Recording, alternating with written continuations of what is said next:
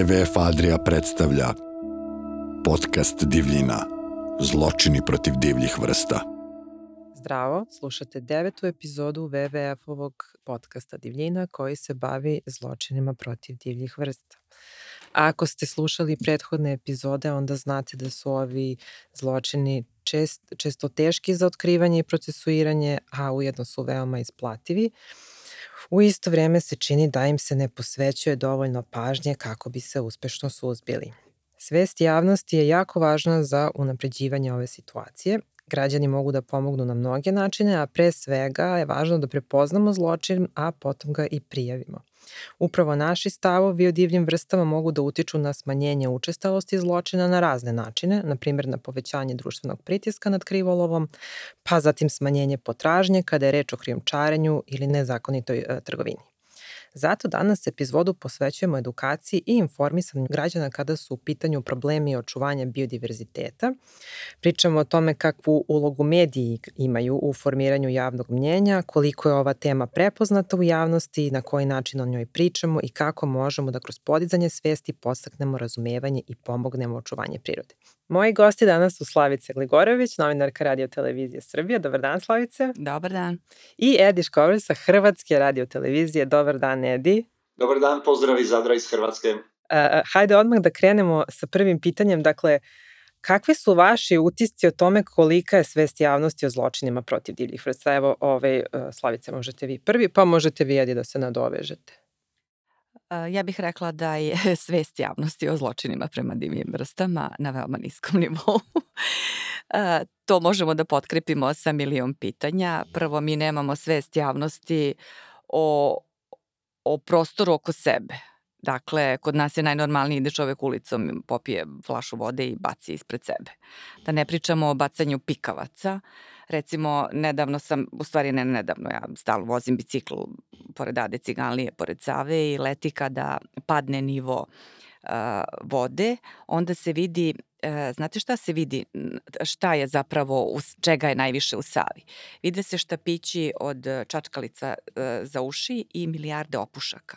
Dakle, u Beogradu ako je pola miliona pušača, danas je 10 miliona opušaka bačeno, to kišnom kanalizacijom dolazi u, u Savu i Dunav na kraju i kad opadne e, nivo, onda tu vidimo milijardu puš, opušaka koji su zapravo mikroplastika koja dospeva u prirodu i naravno to ulazi u, u žive organizme u reci i dalje lancem ishrane i tako dalje i dalje.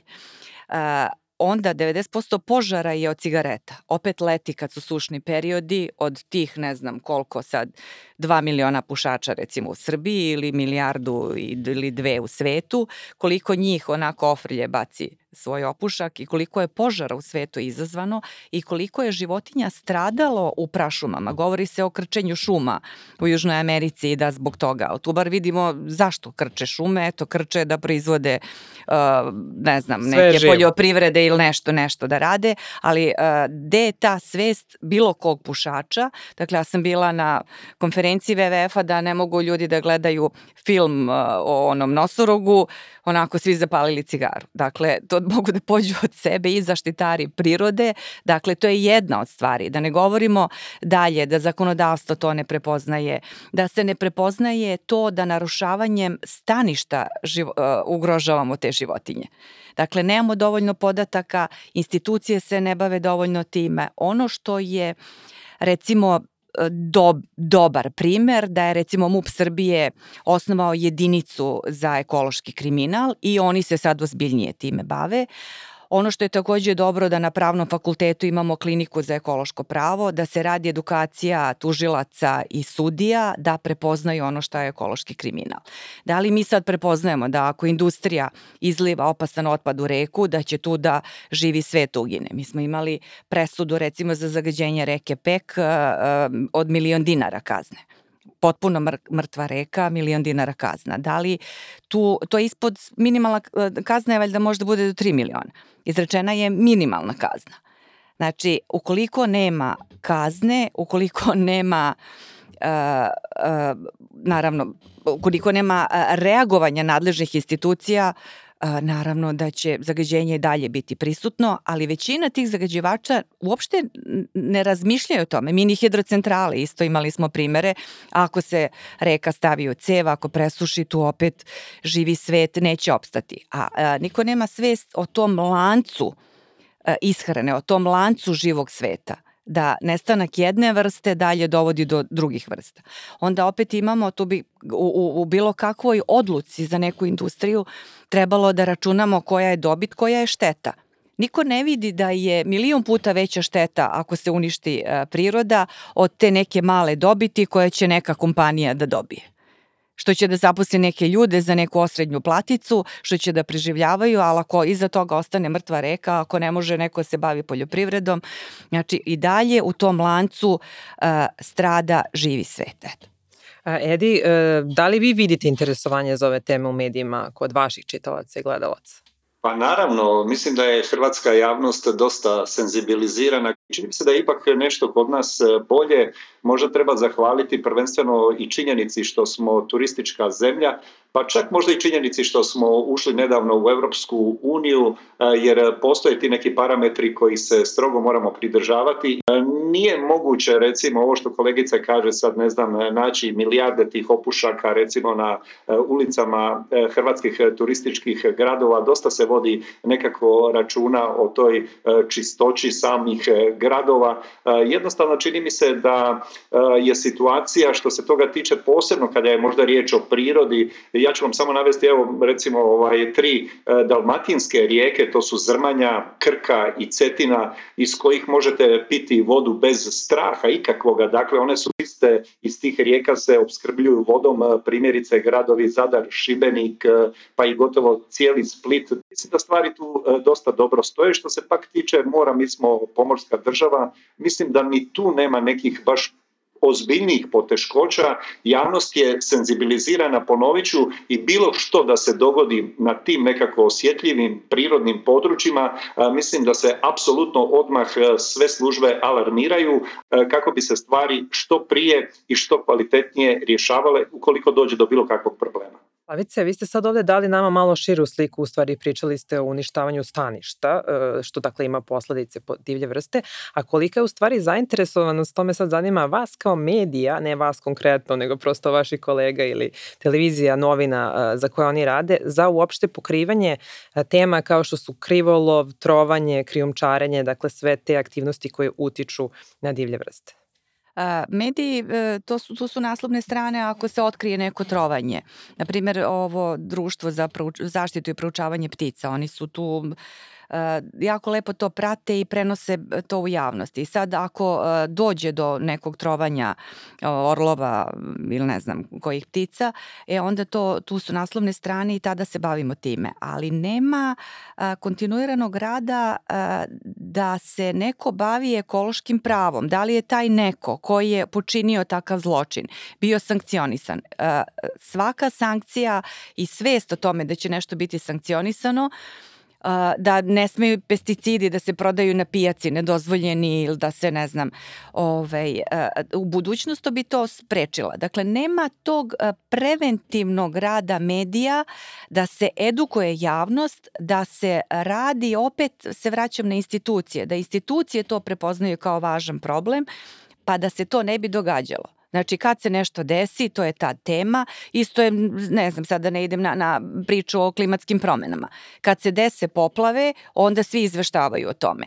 Ali nema priče zašto je nama sistem navodnjavanja uh, danas uh, pre, znači, 30-40 godina mi smo imali tri put više teritorije pod sistemom navodnjavanja nego danas.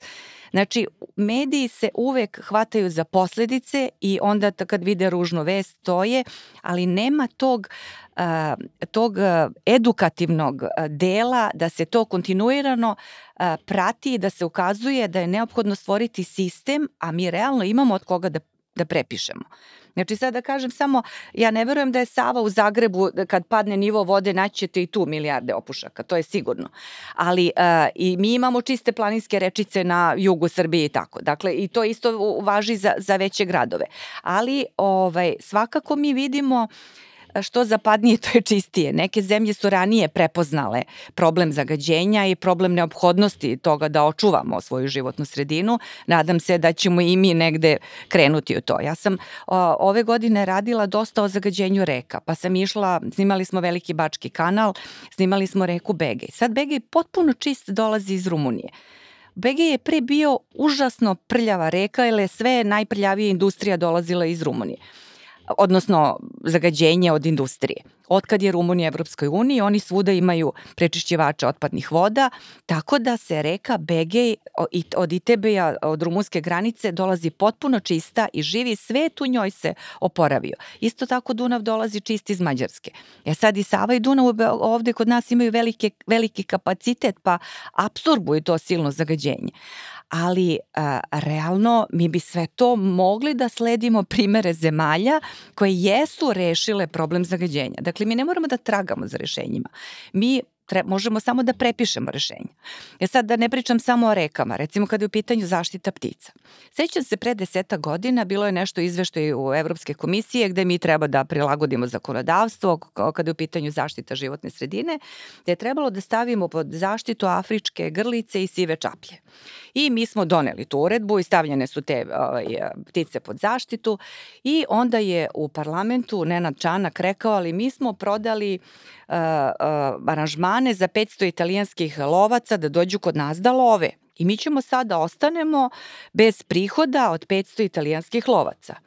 I velikom brzinom je ta uredba povučena i odložena je ta zabrana na te grlice i ne znam, znači to govori o odnosu zemlje, da takvom brzinom se izmeni uredba, da ne bi, ne znam, smetalo lovnom turizmu, a svedoci smo da mi čekamo godinama i decenijama da se donesu neki zakoni od kojih bi imali i finansijske koristi svi i tako dalje. Nije nama baš zakonodavstvo da se tako brzo donosi. Tako da to je bilo negde pre deseta godina, što je meni u tom trenutku bilo zaista poražavajuće.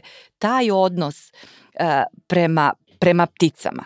Znači, uopšte mehanizam da jedna država povuče takvu uredbu je li je prodati su aranžmani za 500 italijanskih lovaca, koji nemaju pravo u svojoj zemlji da love te čaplje, pa da treba da se love, love bilo bi i kod njih dozvoljeno.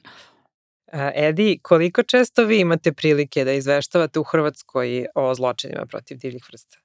Pa i tekako često. E, bio sam prije desetak, 15 godina u Albaniji sedam dana i ono što sam tamo vidio, stvarno nisam mogao vjerovati da postoji igdje na ovoj kugli zemaljskoj. Naime, svaka rijeka, svaki potok, svaka bara, svaka lokva, ako tako mogu reći, je bila prekrivena enormnim količinama plastike.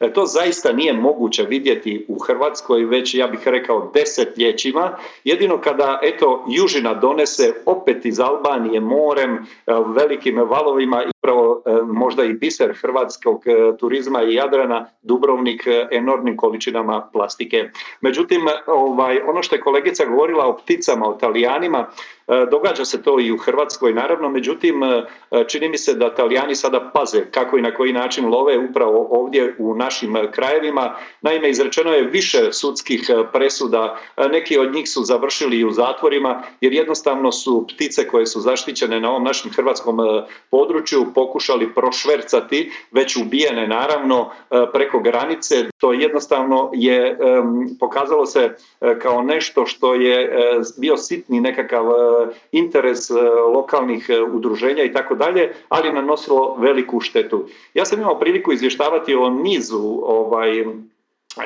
loših jeli, situacija nad divljim životinjama, primjerice možda najviše kada je riječ o vukovima, njih je ovdje gotovo u Hrvatskoj negdje procjenjuje se oko 500 jedinki, što je poprilično veliki broj. Međutim, u tom segmentu država je također, ne znam kako tu stvari stoje u Srbiji, regulirala stvar na način da je jednostavno odstrel vuka ili ubistvo vuka kažnjivo sa 5,5 tisuća eura i do tri godine zatvora. Mislim da sada svi oni koji su smjerali učiniti tako nešto će dobro razmisliti A s druge strane, bilo je tako ekstremnih e, primjera, primjerice e, dva vuka, jedan na području Drniša, Unešića, a drugi u Gračacu, e, su ubijeni vjerojatno od strane nekog od vlasnika stoke i razapeti su doslovno na ulaznim pločama u ta mjesta, tako da je to izazvalo jedno stvarno ogorčenje šire hrvatske javnosti, ali sam siguran da se intenzivno tragalo za tim. A Slavice, kako je vaše iskustvo? Koliko često vi izveštavate o, o ovim zločinima? Koje je vaše iskustvo? Šta mislite? Kolika je medijska pokrivenost kod nas? Da li je dovoljna? Ukoliko saznamo nešto, tad izveštavamo, ali nešto se ne sećam da je skoro bilo ne, nešto tako, osim ovih ptica. E, od kad je ova osnovana jedinica MUPA za ekološki kriminal, oni su tu baš ne dozvoljavaju šverc životinja. I to je nešto što oni daju medijima informaciju i mi to prenesemo. Prošle godine čini mi se bio onaj jedan lavić e, što su ga uhvatili, to je jedna slika koju ja eto kad gradim te priče pa onda uzmem iz arhive za pokrivalicu. tako da tu tu, tu baš, baš onako prekogranična policija ovaj, dosta, dosta dobro radi, a sad ovde da li je bilo toga da se ubije neki vuk medved, nemam pojma. Ono što, recimo, uh, uh, mi imamo u RTS, uh, imamo dobru mrežu dopisništva i onda i oni u svojim mestima, u svojim rejonima onako dosta lepe priče prave. Tako da, što se RTS-a tiče, imamo posebne, poseban ekološki program, imamo nekoliko ekoloških emisija, tako tako da tu, recimo na drugom našem programu i u toj emisiji e, Ovo je Srbija svakog dana u 15 časova, imamo tu dosta pokrivene probleme prirode, zaštite prirode, pa ovaj, upravo i to sa Zlatibor, recimo kolege iz Užica imali su lepe priče o nekim medvedićima i tako. Da, dakle, izvešta... Da, skoro smo imali za ovo grisa u, na nacionalnom parku Đerda. Jeste, jeste, imali smo, evo, pomenuli ste ovde tu ekološku policiju. Mi smo u prethodnim epizodima imali ovde predstavnike, tako da ako neko za, zainteresovan, neka posluša te epizode da saznaju malo više kako to sve funkcioniše. Edi, kakva, vi ste rekli da kod vas postoji zainteresovanost za ove teme. A šta mislite kako možemo da zainteresujemo još, još ljudi? Pa, E, jedino upornim radom, rekao bih, upornim radom, e, prikazivanjem e, jednostavno takvih događaja kao neprihvatljivim su, čini mi se, dosta nekako na strani upravo medija kada mediji ukazuju na probleme vezane za ugrožavanje divljih životinja. Ovdje kod nas primjerice javnost nekako voli kad se ovaj prikazuju reportaže pogotovo u središnjim informativnim emisijama gdje one kod nas obično i završavaju. Ne bih rekao da je to nekakav materijal za program, nego uglavnom upravo te priče o ugrožavanju divljih životinja završavaju u središnjem našem dnevniku u 19 sati na HRT-u. Čini mi se da HRT nekako tu posljednjih godina, ma ja bih rekao čak i desetljeća, sjećam se još dok sam bio dijete, da jednostavno e, non stop smo vrtili te BBC-eve čuvene serijale zaštiti životinja, o zaštiti planeta i tako dalje i tako dalje da ne nabrajam. Mislim da su e, na tim upravo BBC-evim um, fenomenalnim, ja bih rekao, e, serijalima uh, stasale mnoge generacije i izgrađena upravo svijest ovdje u Hrvatskoj mnogih ljudi kako bi to planet u konačnici trebao i izgledati. Da, ja, evo sad ja kažem i moje, moj utisak je da je ovde kod nas drugačije. pa mi ono sad se što smo imali lepe, pozitivne priče o beloglavom supu Dobrili. Da. E, to je bila prva vest, prva tema. Ali tu je negde i ministarstvo recimo ekologije se potrudilo i društvo za zaštitu ptica i zavod za zaštitu prirode. Dakle, kada a, institucije a, daju informacije medijima, mediji će to lako a, pokriti kako ja sad mogu da dođem do informacije ako ne saznam, ako taj MUP ne, ne, ne objavi šta su uhvatili da neko švercuje nešto. Tako da e, tu smo imali lepu priču o beloglavim supovima koji su bili izuzetno ugrožena vrsta, a sada imamo oko 500 jedinki e, na uvcu. I to je dosta i medijski propraćeno i tu zapravo imamo jednu lepu priču. Pa je onda Turkish, um, ova avio uh, kompanija, kompanija oni su to iskoristili za reklamu i tako. I onda tako sa tim lepim pričama A, I tu sad imamo kompanije, sad je tu granica greenwashinga, i, ali tu opet e, kompanije negde mogu da naprave nešto, da se nametne tema, ako podrže. To je baš dobra priča bila za, za Dobrilu. A, ovaj, I uopšte za beloglave supove. Onda imamo probleme sa orlovima krstašima uh, u Vojvodini sad ima nekoliko parova. I sad tu smo imali jednu pira, pivaru koja je opet se uključila u to, ne znam, jedan dinar uz pivo, ali ja kasnije nisam uspela da saznam. Ja sam njim, slala sam mail da zapravo vidimo šta je bilo posle kako su te pare namenski utrošene, nisam posle dobila nikakav odgovor. A recimo svi mediji su došli i to kad se pokrenula priča sačuvajmo orlove krstaše i lepo je da neko hoće da uloži u to, usput to iskoristi za svoju reklamu, ali baš me zanima šta je, šta je bilo dalje. Koliko su oni novca prikupili, na koji način su oni to uložili da imamo više orlova krstaša, da ih sačuvamo. Ali tu je mnogo bitnija stvar da se iskontroliše ko te opasne pesticide koristi, ko postavlja otrove na njive i ptice na nalete i ove, i, i potruju se. Tako da opet tu je jače zakonodavstvo nego to što ćemo mi sad da pričamo o tome. Lepo je da pričamo, lepo je da imamo lepe priče. Ove, kažem, za beloglave supove i za orlove krstaše baš su svi mediji imali te priče o udarnim emisijama, dosta smo to radili, a onda opet dođe do trovanja ptica, opet se neko trguje tim nedozvoljenim uh, otrovima i opet se vraćamo na, na početak. Jeste. A um, kada se izveštava dakle, o konfliktima između ljudi i divli, divljih vrsta, da li smatrate da je to izveštavanje objektivno i uh, koliko, koliko moć mediji imaju u podhranjivanju negativnog odnosa prema određenim divljim vrstama, pošto se i to dešava, da. Kad kažemo o konfliktu. Da. Pa ako sad Vuk dođe, pa nekome njegove ovce pokolje, pa ja sad, kako da kažem, šta, sad tu da kažeš, šta je pozitivno, šta je negativno izveštavanje. Ja tu ne znam šta bih rekla, zaista. Ili ako je neko ugroženo divlje životinje, lepo je što mi štitimo životinja i tu treba da budemo racionalni. Ako je zaista došlo do neke situacije da je čovek ugrožen, ne, ne, nemam ja odgovor na to pitanje.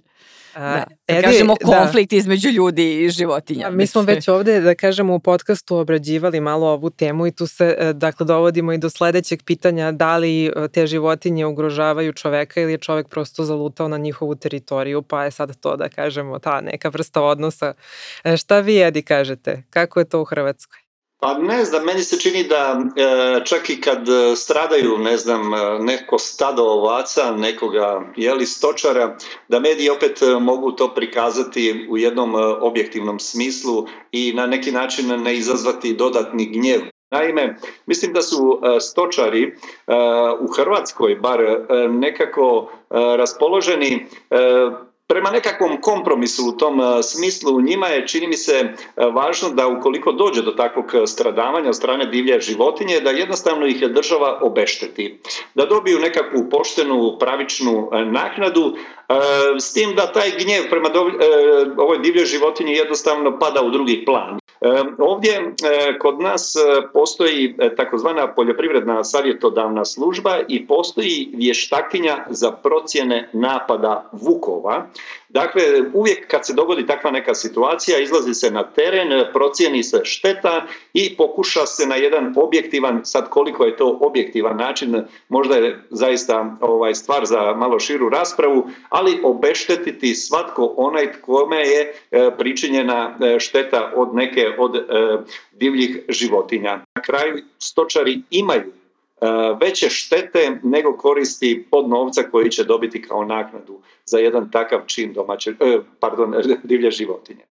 Ne, meni je bilo zanimljivo, pričali smo takođe u nekoj od prethodnih epizoda kako zapravo ukoliko, na primer, medved napadne e, voćnjak, ukoliko ste proceni da je voće posađeno pre blizu šume, najverovatnije neće biti obeštećen taj poljoprivrednik jer prosto, kako da kažem, sam je, sam je izazvao. Da, evo sad smo baš imali jučer, jedan je Medo kada u Hrvatskoj, možda čak ni kriv ni dužan, međutim stručne neke službe su procijenile da je ipak kriv i da je opasan. E, dakle, kod Kostrene na riječkom području e, Medo je viđan već unatrag nekih desetak, 15 dana, jako se približavao kućama, e, čak šetao gradskim mjesnim ulicama, približavao se ljudima, pokušali su ga na neki način otpratiti do šume, do njegovog prirodnog staništa, međutim to nije išlo baš tako lako i onda je eto donesena odluka da se Medo odstreli. To reći u takvoj situaciji, je li to ispravan ili neispravan potez, moguće, slažem se da je ispravan jer ne znam što bi se dogodilo da taj medo ugrozi neko dijete, neku gospođu ili nekog muškarca, e, kakve bi onda sve reakcije to proizvelo same javnosti, tako da ovaj neki preventivni način djelovanja čini mi se možda da u ovakvim ekstremnim slučajevima životinje ulaze u gradove, a vidimo e, kako i divlje svinje već sad ulaze u gradske četvrti, primjerice po Zagrebu, ima ih čak na desetine, što je jednostavno neshvatljivo zašto, kako, e, stručnjaci kažu potrazi za hranom. Međutim, ovaj kažem, ne znam, treba jednostavno odvagati što je tu e, šteta veća, što je tu veća korist, ali mislim da ovakve selektivne ovaj akcije odstrela vjerojatno ipak su učinkovitije nego prepustiti stvar e, do te mjere slučaju da se ne daj Bože nešto dogodi. Kad ste pomenuli divlje svinje, bila sam u Ogulinu pre par godina kada su divlje svinje tu napravile strahovitu štetu usevima, poljoprivrednicima to je baš, baš bilo nešto, jako ih je mnogo bilo. E sad pretpostavljam da tu divlje svinje ovaj, nisu zaštićene kad ih ima previše i kad prave štetu, ali zaista sam bila svedok da su napravile strahovitu štetu poljoprivrednicima u Hrvatskoj. ne, ne, ne, divlje svinje nisu zaštićene. Divlje svinje nisu zaštićene, ja ne znam, nisu vjerojatno ni u Srbiji ni u Hrvatskoj. Nisu, da. Međutim, mi ovdje u Dalmaciji, sad ću vam ispričati jednu priču, ako ukratko, imamo neki drugi problem koji vi možda u Srbiji nemate, pretpostavljam da nemate. Naime, dalmatinski gradovi posebno su ugroženi od strane, nećete vjerovati, slušajte sad dobro, galebova Dakle, galebovi, ovdje ih zovu čak e, leteći štakori, e, jednostavno do te mjere su se već e, naselili po samim zgradama u gradovima da je jednostavno u nekim kvartovima nemoguće živjeti. Bude se tako rano, ako mogu reći, ovaj, negdje oko 3-4 sata ujutro i stvaraju kao prvo ogromnu buku. Jednostavno ne može se živjeti od njih. Nakon toga kad se već razbude i malo onako dođu sebi, onda kreću u naravno pretraživanje po gradskim kantama, razbacuju e, samo onaj otpad koji su građani odložili tamo i jednostavno nakon nekakvog njihovog prolaska naleta e, grad ostaje toliko e, onečišćen da ono tri službe nisu dovedu u red. Galebovi su nekako postali ozbiljan problem eh, dalmatinskih gradova, tu se već i razmišlja kako na koji način nekako dovesti sve to u red, kako tu populaciju eh, možda smanjiti, dovesti u nekakav pristojan broj, međutim nisam primijetio još nikakve konkretne akcije da se događaju po tom pitanju. A sad pitanje jedno za, za oboje, e, koliko, kakva je po vama moć i odgovornost medija kada je u pitanju utice na institucije koje su zadržane za e, delovanje po pitanju ovih zločina? Kako kad, pošto se ja ovim poslom bavim više od 20 godina, bilo je perioda a, kad jesu institucije slušale i kad je bilo dobre komunikacije, bilo je per, perioda kad nisu. A, trenutno bih rekla da a, institucije slabije slušaju medije i slabije odgovaraju medijima. Mm -hmm. Edi, kod vas? Ma ja bih rekao da institucije u biti reagiraju tek onda kada mediji pokrenu bilo kakvu akciju ili kada mediji ukažu jednostavno na neki problem. Sam primijetio da institucije e, su brže u reakciji od samih medija. Mislim da je to jedna jednosmjerna cesta u kojoj su mediji uvijek ispred institucija. A da li e, možete da nam sad kažete neku posebnu situaciju koja se desila? Dakle, da su mediji izveštavali, a, a da se to kasnije proširilo? Da li se sećate tako nečega? Pa ne znam, možda evo, baš ovaj medvjed nekako tome pridata velika pozornost. Dakle, pratilo se to na svim nacionalnim televizijama. E, dakle, dosta minutaže je na neki način e, odvojeno e, za taj slučaj. Tako da, ne znam što bi vam rekao. Mislim da mediji dobro prate sve ono što je vezano upravo za te divlje životinje Eto, tako da jednostavno ne znamo što će se sad novo ovo ljeto možda na Jadranu pojaviti, neki novi plavetni kit, možda neki dupini. Bilo je tu i kornjača koje su bile teške i po 100-150 kilograma. Sve je to na neki način završilo u medijima i rekao bih sve je to na neki način završilo afirmativnom smislu u medijima, bilo na televiziji, portalima, novinama i tako dalje i tako dalje. A Slavice, e, da li se vi sećate nekog dobrog primjera izveštavanja kod nas i nekog za koji vi smatrate da nije dobar? Evo opet vratit ću se na ove ptice. Dakle, to je zaista uh, bilo mnogo, mnogo, mnogo priče koliko su beloglavi supovi ugroženi i zaista tu se nešto desilo, radilo se. Za, ovog, za orlove takođe danas imamo više parova orlova. Ali kod nas je poenta e, što se nešto kao to je to tako to je lepa priča kad ti imaš neke konkretne životinje. To ili meda ili vuk i to je priča. Ali suštinski ljudi ne shvataju da smo i mi životinje koje su e, takođe ugrožene i da ako mi ne prepoznamo zločin zagađenja, evo Evropska komisija je nedavno predložila da se ekocid tretira kao najteže krivično delo kao genocid. I da se za takva krivična dela koja trajno uh, uništavaju životnu sredinu na velikom prostoru, da treba kazne da budu 10 i više godina zatvora, da se kompanijama oduzima i 10% od njihovog prihoda. Dakle, ako dođe, dođe, mi sad tu nemamo priču o konkretnom delfinu, o konkretnom kitu, o to, ali ako uh, vidimo koliko su ljudi, mi imamo studije koliko su ljudi ugroženi zagađenjem. Da se ne vraćam do toga da 8-9 miliona ljudi godišnje umre od zagađenog vazduha, da toliko ljudi umre isto od cigareta, da a, je Interpol po, poslednjih dve, tri godine označio ekološki kriminal kao danas možda najznačajniji kriminal. Mi ako uporedimo sa švercom droge, dakle jeste i to problem, uh, ali uh, nije ranije bio prepoznat i danas još uvek nije dovoljno prepoznat ekološki kriminal.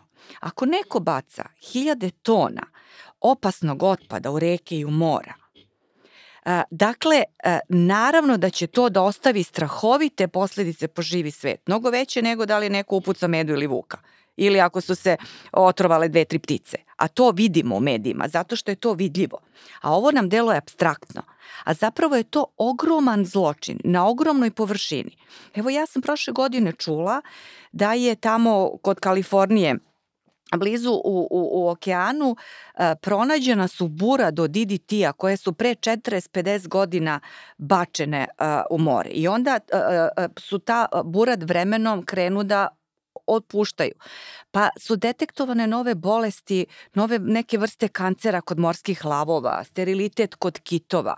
Dakle, da ne pričamo o mikroplastici, koliko je da imamo ostrva plastike, plastičnih flaša koje, kao dve Nemačke na okeanima tu mikroplastiku, dakle radila sam intervju sa ovim genetičarem da, Stojkovićem koji je dokazao prisustvo mikroplastike u ljudskom organizmu. Dakle, e, e, i ljudi i kao i sve životinje su strahovito ugroženi. Da se vratim na, na ovo što je Interpol. E, u vreme korone, prošlog, preprošlog proleća, čini mi se, da su oni imali jednomesečnu akciju u 40 zemalja protiv ekološkog kriminala, gde su ne znam koliko hiljada kompanija ljudi pohapsili zbog toga što opasan otpad bacaju u životnu sredinu. Čak iz zapadnoevropskih zemalja imate slučajeve da su falsifikovali izvozne papire, pa ne znam onda izvoze, lupam sad, polovnu tehniku u Afriku, a zapravo je to bilo iznošenje opasnog otpada. Pa ima slučajeva, neko kupi stari brod i opasan otpad i borod se potopi, je li bio star. Nikom ništa. Ko zna koliko ima opasnog otpada na, na dnu okeana, na dnu reka. Mi smo imali situaciju da je u Obrenovcu, to su najveće izrečene kazne kod nas, negde oko pet godina zatvora za, za nekoliko ljudi, zbog zakopavanja a, otpada u selu Vukićevica kod Obrenovca. I to mislim da su najveće kazne kod nas do sada izrečene. Za, iako imam, naš, naš e, zakonik prepoznaje 18 krivičnih dela protiv životne sredine, ali malo je izrečenih kazni. Dakle, tu smo našli zagađivača, zakopao je otpad u zemlju i to je pronađeno. Ko zna ko šta baca u reke. Jer mi smo imali uh, primer da je jednu jesen pre par godina u Beogradu smrdeo savski rukavac. Celu jesen. I videli smo uginule ribe. Dolazi april, opet smrad u pola grada. To se znači osjeća na Senjaku, Beogradu na vodi, ka Novom Beogradu, Banovo brdo. Dakle, neko je izlio nešto u taj savski rukavac. Tu se videla neka gusta crna masa i tu su se videla uginule ribe. Znači, u sred Beograda. Pa šta onda rade tamo gde, gde niko ne vidi? Negde što je dalje, što nije to centar, elitni deo grada, elitno izlet i tu je Ada Cigalnije najlepše beogradsko izletište. To je ceo april smrdelo dok to ne znam, ponu ne znam koliko su Srbije vode uložile tu, čistili su taj mulj. Ali ja ne znam, nije niko, uh, nije otkriveno ko je odgovoran za to i niko nije kažnjen. I vrlo moguće će nam se to ponoviti.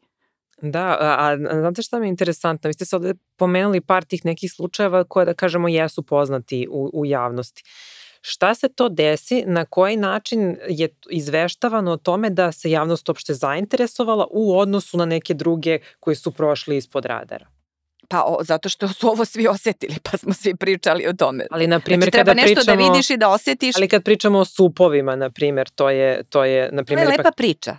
Znači, to je bila jako lepa priča i, i onda tu, tu negde uh, opet uh, kad nešto se nametne kao lepa priča, onda to prođe. I naravno, dobro je da smo imali institucije koje su se u tom slučaju potrudile da, da, da se bave time. Eto, to je mhm. bio dobar primer da to može nešto dobro se uradi. Znači vi mislite solidarnost plus, da kažemo, neki optimistični sve zajedno, pogled. Sve zajedno. A Edi, ka, šta vi kažete? Pa ja se slažem u potpunosti ovdje sa kolegicom. Zadnji primjer, recimo imali ste u Rijeci gdje je pronađena bomba iz drugog svjetskog rata, teška nekih 500 kg, cijela rijeka u tri reda stambena je ispražnjena, svi stanovnici su napustili svoje domove iz preventivnih razloga kako bi se jednostavno ta bomba mogla neutralizirati, što je srećom i učinjeno bez nekih velikih posljedica cijeli niz tih situacija, primjerice možda e, isto tako se nagađalo, vi ste čuli za onu priču gdje je na Kornatima stradalo 12 e, vatrogasaca, e, nikome nije jasno pod kojim su oni izgorjeli. Naime, tamo je trava, sam sam izvještavao tamo, kontinuitetu cijeli niz dana. Ovaj, trava je visoka možda nekih 20 e, centimetara, prilično rijetka, e, tako da ni najveća vatra jednostavno ne bi mogla naškoditi niti malome mišu, a kamalu koji se tamo e, kretao. Onda je bila jedna od pretpostavki kako je riječ upravo o avionskoj bombi, fosfornoj bombi koja je tamo iz nekog aviona vjerojatno otpala, rasula se po površini otoka i kada je došla vatra jednostavno u kontakt sa tim zapaljivim jel, e, tvarima da je došlo do e, te e, strašne nekakve ne eksplozije nego te plamene buktinje koja je na mjestu ubila 12 vatrogasaca. Kad je kolega pomenuo ovaj, bombardovanje, ja se sećam da su italijani bunili zato što je te bombe koje nisu izručene za vreme NATO bombardovanja bacane su u Jadransko more. Tako da tamo jesu detektovane i to su italijani postavili kao ozbiljan problem. Em su ustupili svoju bazu da uzleću avioni. Da ne pričamo o siromašenom uranijum koji je bačen na Kosovu. Naravno da ako imamo neke podatke da su delovali na ljude koji su bili tu to vreme, naravno da je to delovalo na ceo živi svet, jer to je ušlo u zemljište, ušlo je u reke, onda ono kad, kad je gađana industrija, opet je svo to zagađenje ušlo u zemljište, u reke, u podzemne vode i tako dalje i sve to priroda, sve, sve se to vrti, sve ide s jednog mesta na drugo. Naravno da sve to ugrožava. Recimo imamo primer opet za bombe. Se mogu ubaciti na kratko samo, Uh -huh. e, ovaj, kada je riječ o negativnom medijskom izvještavanju, mislim da sam tu ostao yes. e, dužan da. nešto reći. E, možda kod nas postoji takav jedan dobar e, primjer. Naime, e, znate da se ovdje na zadarskom području e, dosta bavimo uzgojom tuna. Dakle, to je jedna velika industrija marikultura koja jednostavno ima 100% izvoz prema Japanu, dosta je profitabilno sve to skupa. Međutim, uvijek to izvještavanje recimo o vađenju tuna i takozvanom klanju, kako oni to službeno i zovu, e, samih riba prije nego što se otpreme prema Japanu, e, izaziva onako dosta e, muke u želucu za onoga ko to uopće može gledati. Međutim, sad je tu opet, kažem vam, ono, korist te industrije koja se mjeri u desecima milijuna američkih dolara na neki način važnija od toga da će nekome pokvariti ukoliko to pogleda eto u trenutku kad baš ruča možda reportažu s mora kako se love i kolju i otpremaju tune jel, prema Japanu. E, praćenje na taj način e, stvara jedan animozitet ljudi koji to gledaju prema toj industriji iako kažem jednostavno to je industrija koja donosi izniman profit od kojeg svi imaju koristi na ovom području. I sad moram još tu jednu jako važnu stvar da, da kažem da ne zaboravim. u svemu ovome izuzetno je bitna saradnja medija i nauke. Dakle, ja kao novinar nisam biolog i ja ne mogu da znam šta se tu događa. Ja opet nisam agencija za zaštitu životne sredine da ja mogu da detektujem koje je tu zagađenje ili ekološka inspekcija gradska i tako dalje. Znači, bila sam prošle godine nekoj radionici sjajnoj gde je zapravo uh, to je bio pokušaj da se spoje novinari i naučnici. I tu je Vladimir Đurđević, Aha, ko, ko, kog da. često imamo Pozdrav u medijima. za Đuru. Jeste, koji, on je tu rekao da je obaveza naučnika, dakle svi su oni profesori univerziteta, državni službenici, da svoja znanja podele sa medijima. Sad, opet to je poseban talenat ili trening da oni umeju da pojednostave te stvari, da, da to objasne na neki razumljiv način, da to javnost razume. Novinar to treba da prenese javnosti na jedan razumljiv način, da približi, da to ljudi shvate. To je ono da li je neko dobar nastavnik u školi ako ume deci da objasni to da shvate. Svaka stvar na ovom svetu može da se objasni da shvate. Mislim da mi ni nemamo dovoljno e, dobrih istraživanja koje bi mogli da prenesemo. Evo ja sam pokušala da uradim kako koliko su nam reke zagađene. I onda sam opet išla na taj čuveni savski rukavac koji svake godine snimam, nekad prolazim, slikam svojim telefonom i tako. I sad tu, tu naravno uvek uzmem i predstavnike udruženja ribolovaca, alase, koji su tu svedoci toga šta se dešava u rekama. I sad ovaj uh, Stakić koji je uh, u tom upravnom odboru udruženja ribolovaca, on kaže kod nas se smatra da riba ako je živa može da se jede. Mi uopšte nemamo ozbiljne analize uh, koliko u, u organizmu riba može da bude kakvih otrova. I, I to je ključna stvar. Skoro sam radila tu, tu priču i čovek kaže, upravo sam upustila tu izjavu, kod nas se smatra da riba ako je živa može da se jede. U nekim zemljama postoji uh, na pakovanju koliko sme da se pojede ribe, jer potencijalno može da ima u ne znam šta. E to već treba da mi kažu hemičari, biolozi i tako dalje.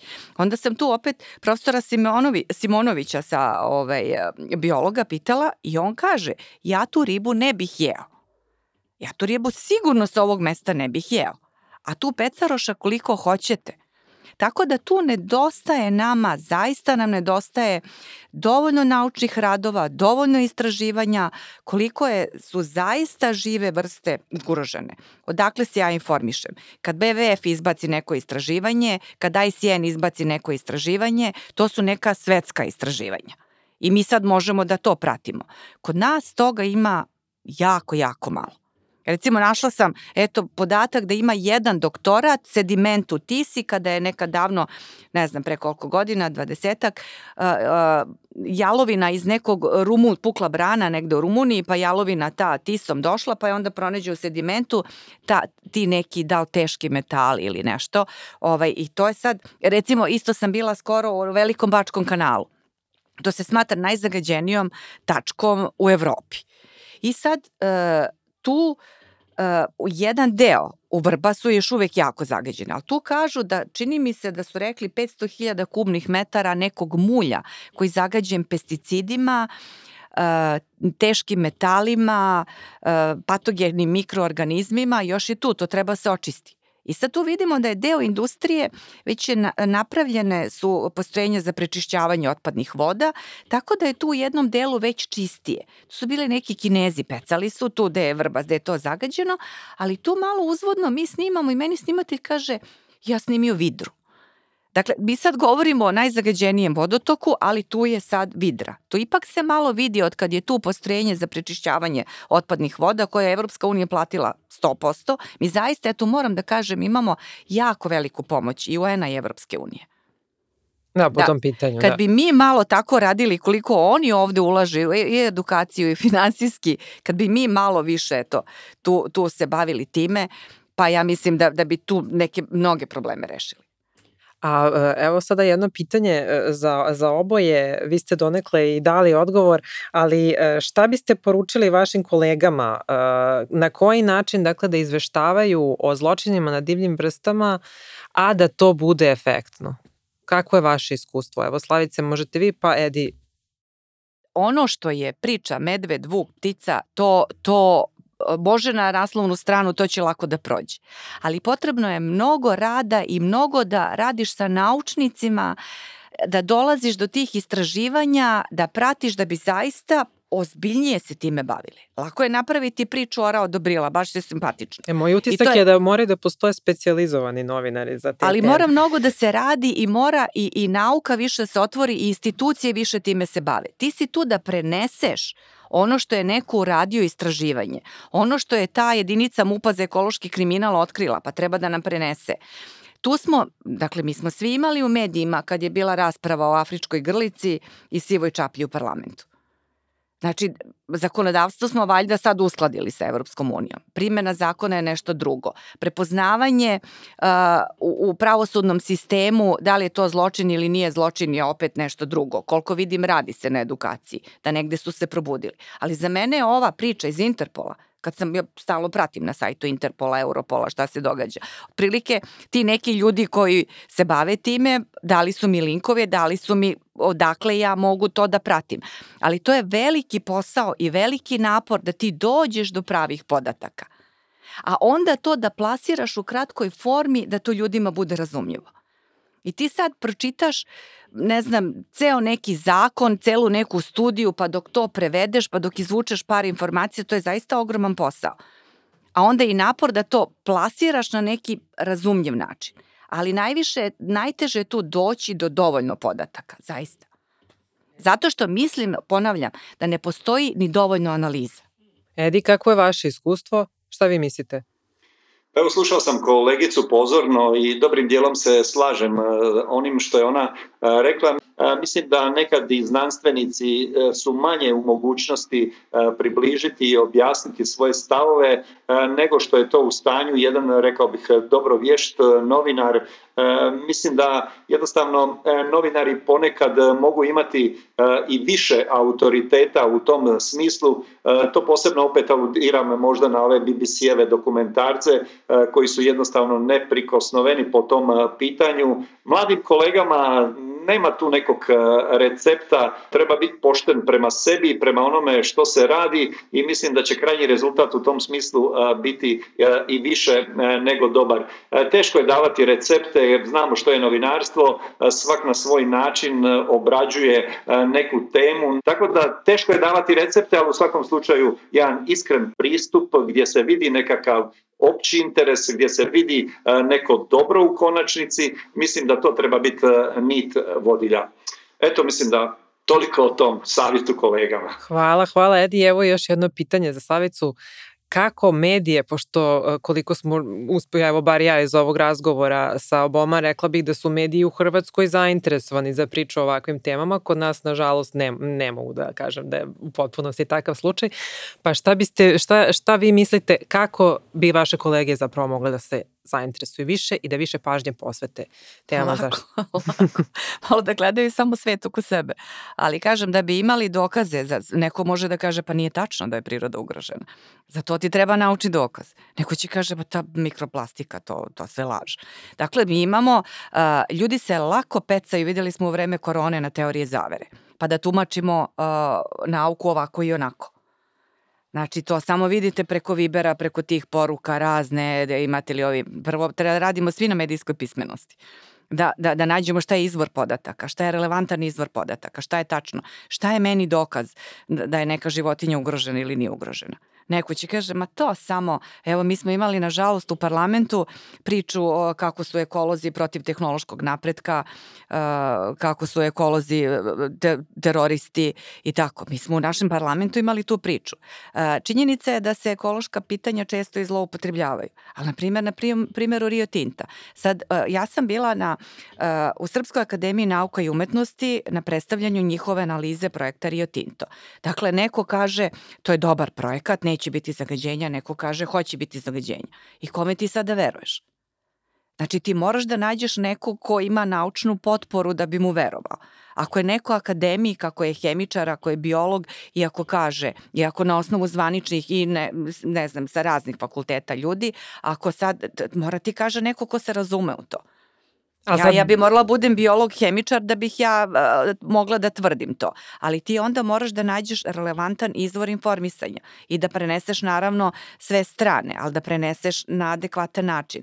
Znači, valjda treba da veruješ nauci za, da te neke stvari, ka, kako ćeš ti sad da tvrdiš da je nešto štetno ili nije štetno? Ne, moj utisak je da čak kada su te stvari koje imaju direktan štetan uticaj uh, ili pos, po, potencijalne posledice po čoveka, tu reakcije ima. Ali kada su životinje u pitanju... Slabo ima i kada je u pitanju posledice na čoveka. O tome govorim. Znači, lepo je to što mi gledamo šta je BBC i mi vidimo kako su Englezi rešili neke svoje ekološke probleme ili Francuzi ili Italijani ili Amerikanci ili Kinezi da li su počeli da ih rešavaju. Ali ako mi imamo lokalni problem da ta, ta i ta industrija zagađuje, a ta industrija tvrdi da ona ne zagađuje, Znači ti mora, moraš da dođeš do podatka od stručnjaka da li je to tačno i kako da se spreči to zagađenje. Znači mi sve ono što radimo za sebe automatski radimo i, i za svet oko nas i za divlje vrste. Jer mi smo svi u istom ekosistemu. Ali ako mi dozvoljavamo da, dakle, po studiji Globalne alijanse za zdravlje i zagađenje objavljene, negde ja sam radila prilog u januaru 2020. da je Srbija prva u Evropi, deveta u svetu po umiranju od ukupnog zagađenja. Znači tu imamo i zagađenje vazduha i tu je urađeno i ne znam koliko ljudi e, na radnom mestu e, ako rade u hemijskoj industriji, u rudnicima i tako dalje. Jedna ozbiljna studija. E sad, da li nama treba posebna takva studija koliko, koliko utiče na živi svet? Ima i takvih studija. Ali ako, e, znači naš je posao da ukažemo na to, ti moraš da imaš dokaze za problem i da tražiš rešenja Na primjer, imamo zagađene reke. Aha, moje posao da se sad bavim zašto mi nemamo prečišćivače za, opa, za pretretman opasnih voda, otpadnih voda. Uh, I koji su to prečišćivači najbolji? Da li sad, za, zbog čega sad u Mađarskoj, u Engleskoj se uh, rade neki novi prečišćivači bazirani na prirodnim rešenjima, biljke, mikroorganizmi i tako dalje. I ovaj postoji je zanimljiv što ti dolaziš do novih informacija, ti ceo život učiš i to treba da preneseš ljudima. Znači, treba da ukažeš na to zašto se nama sva kanalizacija izliva u Dunavi u Savu. Zašto nam je e, lim pun otpada. Išla sam i u Priboj sad tamo pored onih hidrocentrale milijarde flaša. Šta će nama flaše u reci? Znači, a, a, a čovek koji je napravio fabriku za reciklažu pet ambalaže u Novom Sadu radi sa trećinom kapaciteta i on uvozi iz Hrvatske pet ambalažu da bi prerađivao. Znači, potpuno, a naravno znamo šta radi ta, taj otpad i tom živom svetu u tim rekama. Da, i evo sad za kraj bih vam postavila jedno pitanje, dakle nije dovoljno samo preneti neku vest, treba javnosti Izvinjam da se Izvinjam se, još jednu bitnu stvar nisam rekla, mikroplastika. Evo, već od 2018. tadašnji ministar je planirao da se donese neka uredba i ja radila prilog, oni su obećali do kraja godine ukinućemo ovu uh, jednokratnu plastiku. Jer tad smo bili na nekoj konferenciji e, Evropske unije, ministar ekologije Evropske unije u Bukureštu i tad su oni saopštili, Evropa je tad donela odluku, ukida se jednokratna plastika. Zašto pominjem jednokratnu plastiku? Pa to je nešto što su videli na obali mora da je tog otpada najviše, kao i ovih opušaka što sam pomenula i čačkalica za uši. To, e, te, te životinjice morske, videli smo svi snimke, videli smo uginule kitove pune plastike, videli smo kornjačice koje, ja sam bila u nekoj u glifadi, e, ima bolnica za kornjače I tu vidimo kako je, tu se uplela neka žica, ostaci ribarske mreže, te neke razne stvarčice koje nije bez veze doneta odluka da se neki predmeti od jednokratne plastike zabranjuju, su potpuno nepotrebni. Ljudi su vekovima živeli bez toga, sasvim lepo su živeli bez toga. Ili da se to proizvodi kao što sad kese mogu se proizvode od organskih materijala. To sam skoro radila priču. To i tekako ima vezu sa živim svetom. Jer mi dok smo bacali kese, to sve ulazi u organizme svih tih životinja, nagutaju se tih kesa, njih više neće biti. Mislim, koliko životinja uginu, mi to ne vidimo upravo od tog otpada. Ali ako mi sad proizvodimo kese od organskog otpada, od ljudske, od ljudske od krompira, od kukuruza, ona će se razložiti u prirodi kao prirodni materijal, ona više neće ubijati sve te životinje. Znači, zašto mi sad treba radimo priče o, o ukidanju jednokratne plastike i kesa? Pa i tekako je sve povezano. Bukvalno je sve povezano. Šta god da radimo, priče vezano za životnu sredinu, sve je povezano. Jeste i to je jedna kompleksna tema i tu je negde i problem. dakle, kako zainteresovati publiku za to. Jer je to što ste vi malo pre rekli, abstraktno, preabstraktno za, za ljude da, da shvate. Kako ih zainteresovati? Pa eto, upravo ako to, to recimo priču o kesama sam ja pokrenula. Znači, 2016. bila sam u Lijonu i sad ućem sam u poslugu nigde kese. Znači, nema kesa, ima torba i imaju one male kese ko sad meso treba zapakuje ili ne znam šta, one tanke, tanke. I sad dođem ovde i predložim i ministarstvu i, ovaj, i pitam ove, ne znam, iz trgovinskih lanaca, jel vi to planirate? I onda su oni svi pokrenuli tu priču, se prodaju kese i za tih nekih prvu godinu dana 80% je smanjena proizvodnje prodaje kesa. A sad je recimo NDP ponudio podršku za ta neka inovativna rešenja i eto sad će da proizvode te neke kese od tih nekih bioloških materijala. Ali koliko i odjednom, e, ta to, priča o kesama je prepoznatljiva i ljudi je lako su je shvatili. Neke priče teže shvatiti, ali ovo su ljudi lako shvatili. Sad ja odem u, u prodavnicu i sad klinac neki 7 godina Dono, ja sam donao torbu, kese ne treba da se kupuju, e, kese su štetne. Znači, nije poenta bila u 9 dinara koliko će neko plati kesu, nego ljudi ne razmišljaju. E, tu je značaj medija. Ako mi nametnemo neku priču, onda će svako da kaže, bože, pa stvarno šta će meni ova kesa? Ja ću poneti torbu. E, ali sad kako to preneti na životinje? Pa mi smo ti koji ugrožavamo i možemo da zaštitimo životinje. Upravo smo preneli. Ako ne dospe više milijardu tih kesa u okean i u reke i plastičnih flaša, mi smo zaštitili životinje. Da ne pričamo o morskim koralima i klimatskim promenama. Sad to ide dalje, sve dalje i dalje ta priča. Koji su sad iz drugih razloga. Ali ako se uh, zabrani industriji da otrove ispušta, ako se spreči ekološki kriminal, to, to dakle, stvarno na kraju vraćamo se na policiju. Vraćamo se na policiju, da treba se kažnjavaju ekološki zločini. I nije bez razloga ovaj predlog da se ekocid tretira kao, kao najteže krivično delo, gde treba da se izriču naj, najteže kazne. Jer to, to jako dugo nije prepoznato u zakonu. Ako neko sad pojedinačno otruje nekoga, taj će dobiti doživotnu robiju. Ako neko otruje hiljade i hiljade ljudi i životinja, to negde malo je prepoznato. E tu sad treba opet da se probude institucije, zakonodavstvo i tako dalje. A opet, s druge strane, tehnološka rešenja da se u, u procesu proizvodnje primenjuju čistije tehnologije. Jer mi smo doneli 2010. godine zakon da ne mogu da dobiju integralne dozvole kompanije ukoliko ne primenjuju najsavremeniju dostupnu tehnologiju koja minimalizuje zagađenje. I mi sve vreme odlažemo primjenu tog zakona i ostavljamo industriji vreme da se pripremi. A zapravo od 2010. je bilo odloženo za 2015. 2020. Znači, kad industrija prestane da krene da primenjuje najsavremenije dostupne tehnologije, filtere i tako dalje, mi ćemo onda da spasavamo time i živi svet.